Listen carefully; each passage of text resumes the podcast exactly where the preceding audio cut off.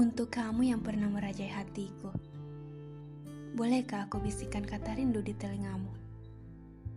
Namun, jangan sampai ada yang mendengar, karena aku tidak ingin dikatai belum move on. Ya, memang itulah kenyataannya. Sampai detik ini aku tidak bisa lupa apa pun yang berkaitan tentang dirimu. Dan semua kenangan waktu dulu. Sedikit pun mungkin tidak pernah terlupakan. Walaupun faktanya tidak banyak kenangan indah tentang kita berdua.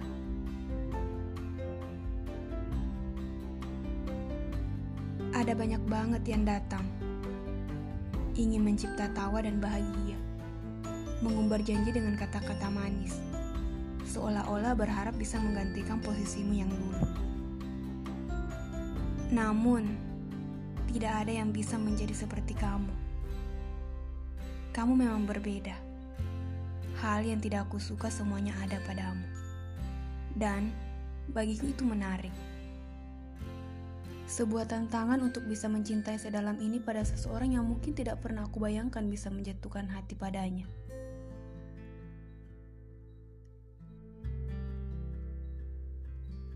Kemarin kita tidak sengaja bertemu. Kau tahu, sebenarnya aku ingin memandangimu lebih lama alih-alih melepas rindu setelah perpisahan itu. Namun, tidak ada keberanian pada raga ini. Aku takut. Takut kau melihat banyak kesedihan di mataku.